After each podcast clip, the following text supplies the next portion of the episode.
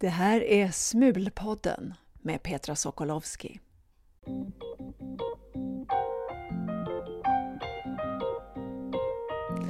Det här avsnittet skulle egentligen bara handla om smulbarn som har valt att studera i Sverige.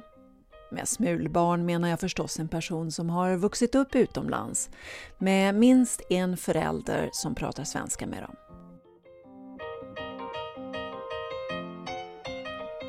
Men när den statliga utredningen om hur svenska universitet ska bli mer internationella kom ut, bara några dagar efter att jag hade påbörjat projektet, ja, då växte reportaget. Och jag började prata med utredare och jaga diplomater och remissvar. Allt för att ta reda på hur svenska myndigheter egentligen ser på våra barn.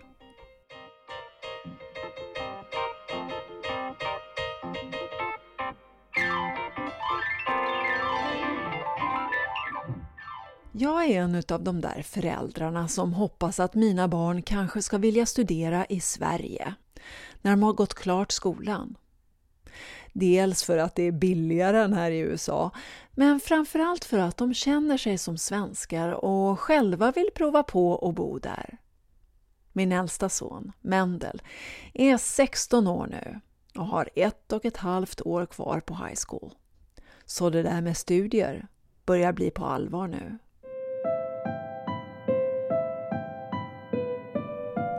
Men mammahjärtat oroar sig för en massa olika saker. Är hans svenska bra nog? Hur ska han få behörighet i svenska? Ett betyg alltså. Det som krävs för att kunna läsa på svenska i Sverige. Och har han läst alla ämnen som krävs på tillräckligt hög nivå? Och hur kommer hans betyg att översättas till det svenska systemet? Jag ringde upp en kille som redan läser i Sverige. Hallå?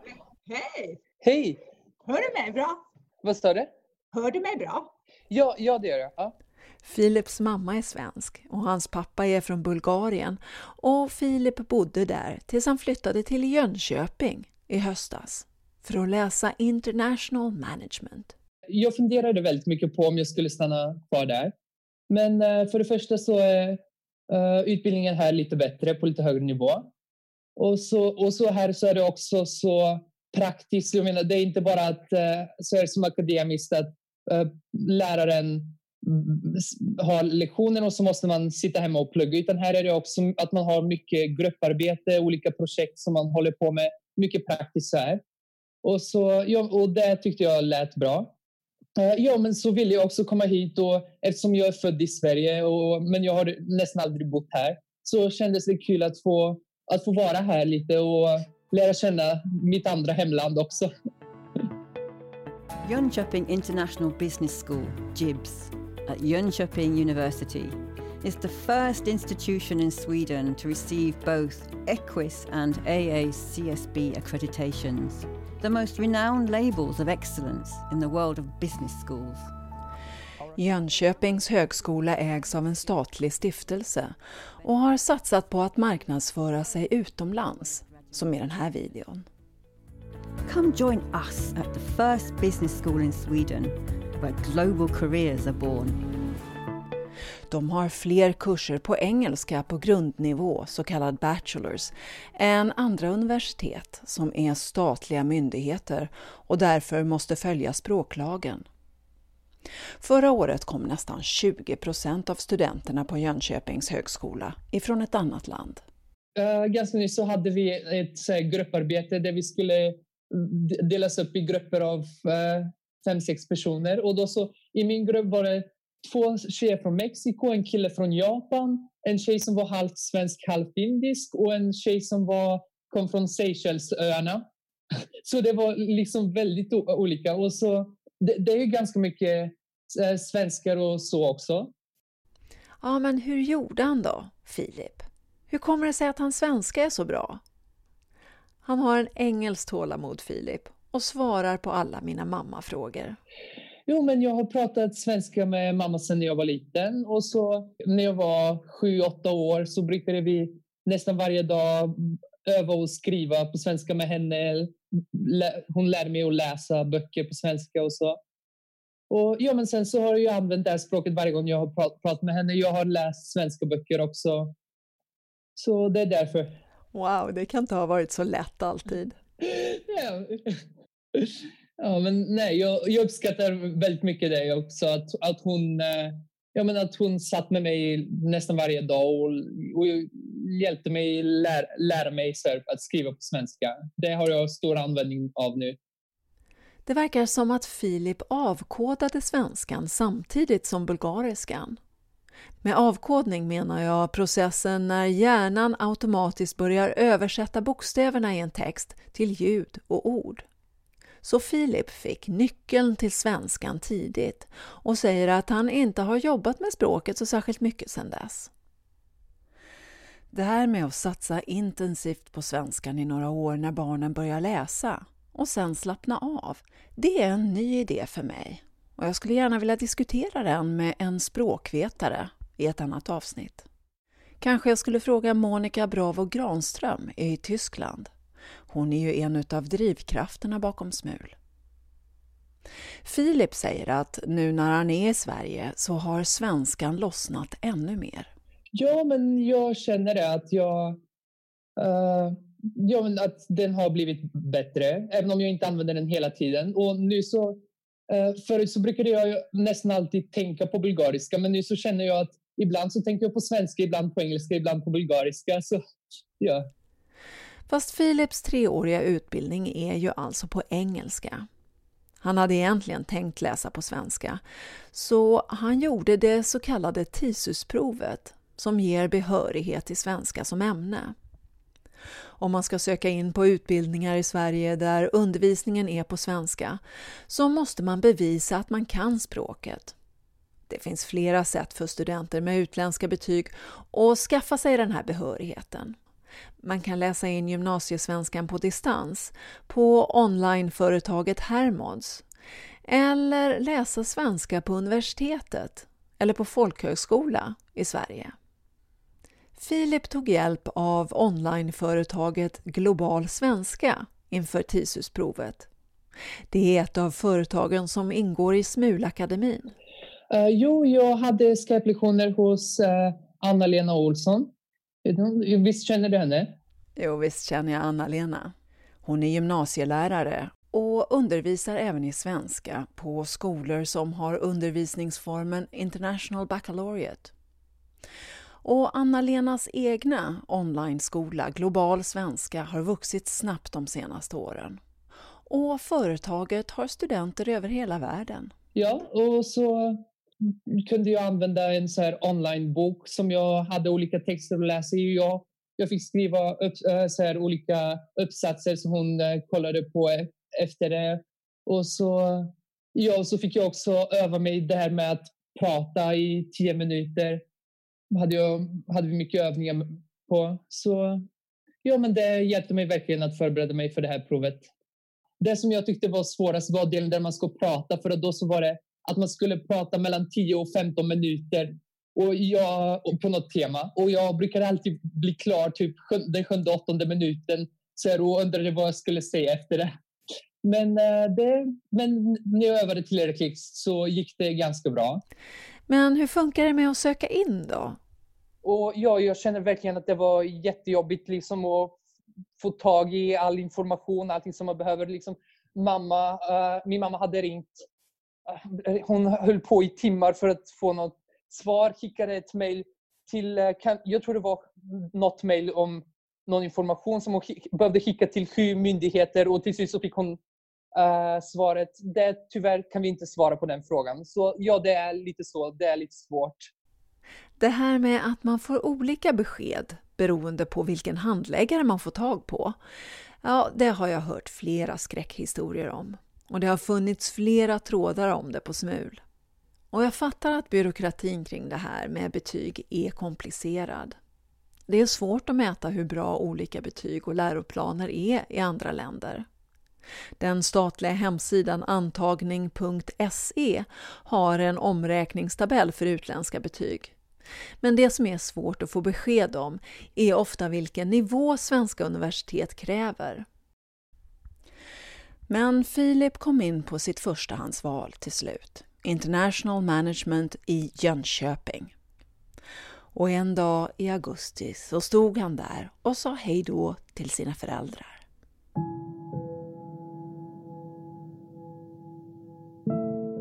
Ja, men ja, det var lite sorgligt. Då. Så här, och nu började en ny period i mitt liv. Jag har blivit vuxen. lite så här. Men eh, samtidigt så känner man att man liksom ja, man växer upp så mycket och börjar, lär sig att klara sig själv. Och det är väldigt så här, uh, nyttigt, eller hur man ska säga. Som i början kändes det nästan lite konstigt. Oj, hur snabbt har jag uh, blivit så, uh, så här, är jag verkligen så ansvarsfull? Klarar jag allt det här? Men det gör man.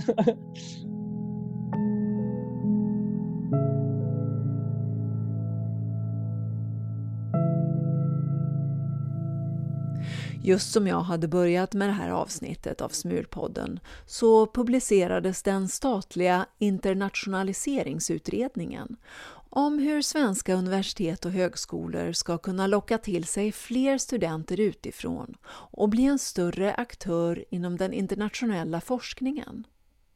Idag kommer bara 1 av världens forskning ifrån Sverige. Jag visste att utredningen var på gång och skrev till deras hemsida redan i februari för att påpeka att utlandssvenskarnas barn är en rekryteringsgrupp de borde tänka på. Och nu när rapporten är klar så skriver jag igen.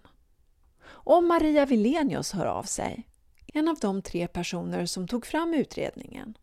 Så, jag ska bara kolla hur nivåerna ser ut här. Kan du berätta var du sitter någonstans, bara så att jag kan ställa in nivån här lite? Okej, jag sitter hemma i vårt gästrum och tittar ut på grannens gula hus. Och... Det låter bra. Har ni höst eh, i Sverige? Ja, jag absolut. Jag tittar just ett, ett träd är helt utan löv och björken är fortfarande ganska gul här. Men det är november helt klart. Vad är det för slags studenter ni vill attrahera? Vi, vi skriver faktiskt om det i, i betänkandet att vi vill attrahera rätt studenter inom situationstecken. Och, och då menar vi studenter som för det första verkligen vill studera i Sverige, att man söker hit av, att man är attraherad av utbildningarna här. Och som också klarar av studierna här, att de har rätt nivå med sig in. Och också nu då när det är studieavgifter eh, för, för ganska många att, att man har möjlighet att eh, finansiera sig. Antingen att man kommer med egna pengar eller att man kan få någon form av stipendium och, och kan på så sätt betala studierna. Diskuterade utredarna om utlandssvenskarnas barn är en potentiell målgrupp för rekrytering? Eh, I och med att vi redan har en, eller våra barn redan har ett band till Sverige. Du sa att det var väldigt viktigt att eh, studenterna verkligen vill studera i Sverige. Ja, vi gick inte in på några speciella målgrupper och därmed inte heller utlandssvenska studenters barn specifikt. Utan, utan det är en sån där fråga där universitet och högskolor själva får välja, ska välja hur de ska marknadsföra sig. Men jag tror säkert att, att den här målgruppen är intressant på så sätt att de har den här breda språkliga och kulturella kompetensen de har redan en förförståelse kring Sverige och svenska utbildningar. Så det tror jag säkert. Och, och det gäller ju för universiteten och högskolorna att nå ut om att det finns kompetens, eh, intressanta utbildningar, ett bra utbud här. Utredningen tittade på vad staten kan göra för att göra det lättare att plugga i Sverige för utlänningar. Vi pekar på eh, frågor i, i processen att söka sig hit att det ska vara en så smidig och enkel process som möjligt att söka, att det ska vara lätt att få uppehållstillstånd. Stipendiefrågan eh, är vi inne på. Du pratar alltså att ni, om att ni vill ha in eh, Eh, betalande eh, eh, elever. Är, är, liksom, är ekonomi en av aspekterna? Behöver Sverige mer pengar? Ja, svenska universitet och högskolor är ju ur ett internationellt perspektiv lyckligt lottade på det sättet att de behöver inte jaga pengar. de tycker ofta naturligtvis att det skulle vara bra med mer pengar. Självklart. Men, men i grund och botten så, så finns det en finansiering som, som möjliggör bra utbildning. Så att det handlar inte om att jaga intäkter på det sättet som vissa andra lärosäten måste göra. Svenska medborgare behöver ju inte betala något för att läsa vid universitet i Sverige. Men för smulbarn är ju språket en stor grej. I somras när min son Mendel och jag hälsade på på KTH i Stockholm och pratade med en av studenterna där så insåg Mendel hur mycket bättre hans svenska måste bli om han ska kunna läsa där. Ja, jag förstår. Vad jobbigt. Ja, nej, men det, det, är ju ett steg. Det är ett steg även för de som kommer från svenska gymnasiet att börja läsa på högskola. Så det är klart att har du inte läst svenska på den nivån så är det ett stort steg. Men som sagt, det finns, det finns ju mycket stöd på svenska universitet och högskolor också med språkverkstäder och, och annat stöd. Och många, mycket av kurslitteratur kan ju ändå vara på engelska så att det är inte svart eller vitt. Eller? Vad är det för någonting, språkverkstäder? Språkverkstäder är, är små delar inom universiteten och högskolorna där man har specialutbildad personal som hjälper studenterna i, i skrivandet framför allt, när de fastnar. Eh, det kan handla om eh, allt från, från personer med till exempel dyslexi som behöver särskilt stöd, eh, men också hur ja, utländska studenter som behöver hjälp med språket och det kan gälla både svenska och engelska. Maria föreslår att jag tar kontakt med ambassaden här i Washington det finns ett innovations och forskningsråd på ambassaden. Han är ny just nu, Henrik Jonsson heter han. Han, eh, han har ju uppdrag att jobba för, han har ett jättestort uppdrag, men bland annat så ska han jobba för högre utbildning för de svenska universiteten och högskolorna och, och stötta dem. Och eh, jag tänker att det där är en sån där ingång om man vill nå, nå tillbaka till svenska lärosäten så är han en, en, en brobryggare. Det är hans uppgift. Ambassaden var en av 14 med sådana här innovations och forskningsråd som fick tycka till om den första versionen av utredningen i våras. Då när ett delbetänkande skickades ut på remiss. Så jag ringer ambassaden. Embassy of Sweden, I can help you. Ja, hejsan. Jag skulle vilja prata med Henrik Jonsson. Ja, absolut. En sekund ska koppla dig. Tack. Efter att ha ringt och mejlat några gånger så får jag tag på Henrik Jonsson. Han är väldigt trevlig, men vill inte ställa upp på någon intervju. För han säger att utredningen inte ligger inom hans ansvarsområde. Ambassaden i Washington DC svarade inte ens på remissen och Henrik har citat ”absolut ingen aning om varför”. Men de flesta av Henriks kollegor på andra ambassader svarade och ni kan läsa remissvaren själva. Jag begärde ut dem ifrån regeringskansliet och länkar till dem på Smulpoddens hemsida. Det var bara en av ambassaderna, den i Dhaka, Bangladesh, som tyckte att man särskilt borde vårda kontakten med personer som har anknytning till Sverige. Fast då menar de akademiker ifrån Bangladesh, som till exempel läst i Sverige. Ingen skrev om utlandssvenskarnas barn. Svenska myndigheter verkar rent generellt inte inse vilken resurs de har i våra barn. För våra barn är ofta högpresterande och har gått på väldigt bra skolor. Filip Stefanos som vi pratade med först till exempel. Han säger att svenskarnas matematikkunskaper generellt sett är lägre. Ja, eller ja, något till exempel som jag tänker på är när vi har eh, ekonomi, då så är det med mycket matte och sånt. Och ja, då, då har jag märkt att svenskarna har det lite svårare. Än oss, jag, är, jag är tillsammans med några bulgarer till och vi bara sitter och, ja men det här är ju eh, superenkelt så här.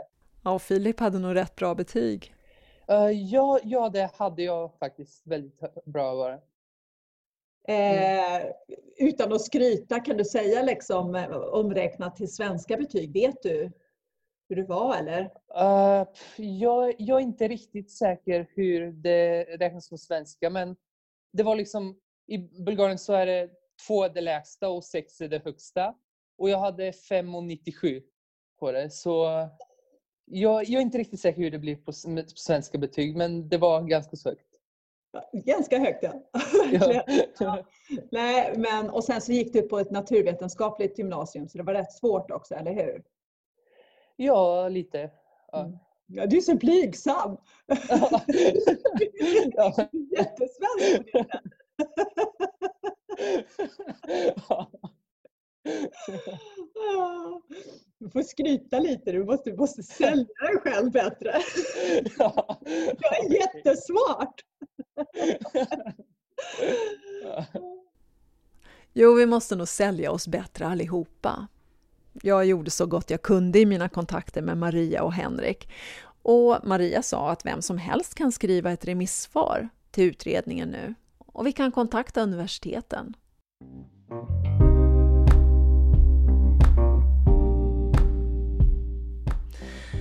Ja, det här var Smulpodden och jag heter Petra Sokolowski. Har ni några frågor om den här podden? Kommentera gärna på länken då. Och berätta vad ni vill att nästa avsnitt ska handla om. Hör av er till smulpodden at svenskautomlands.org. Och glöm inte att gilla podden på Soundcloud också.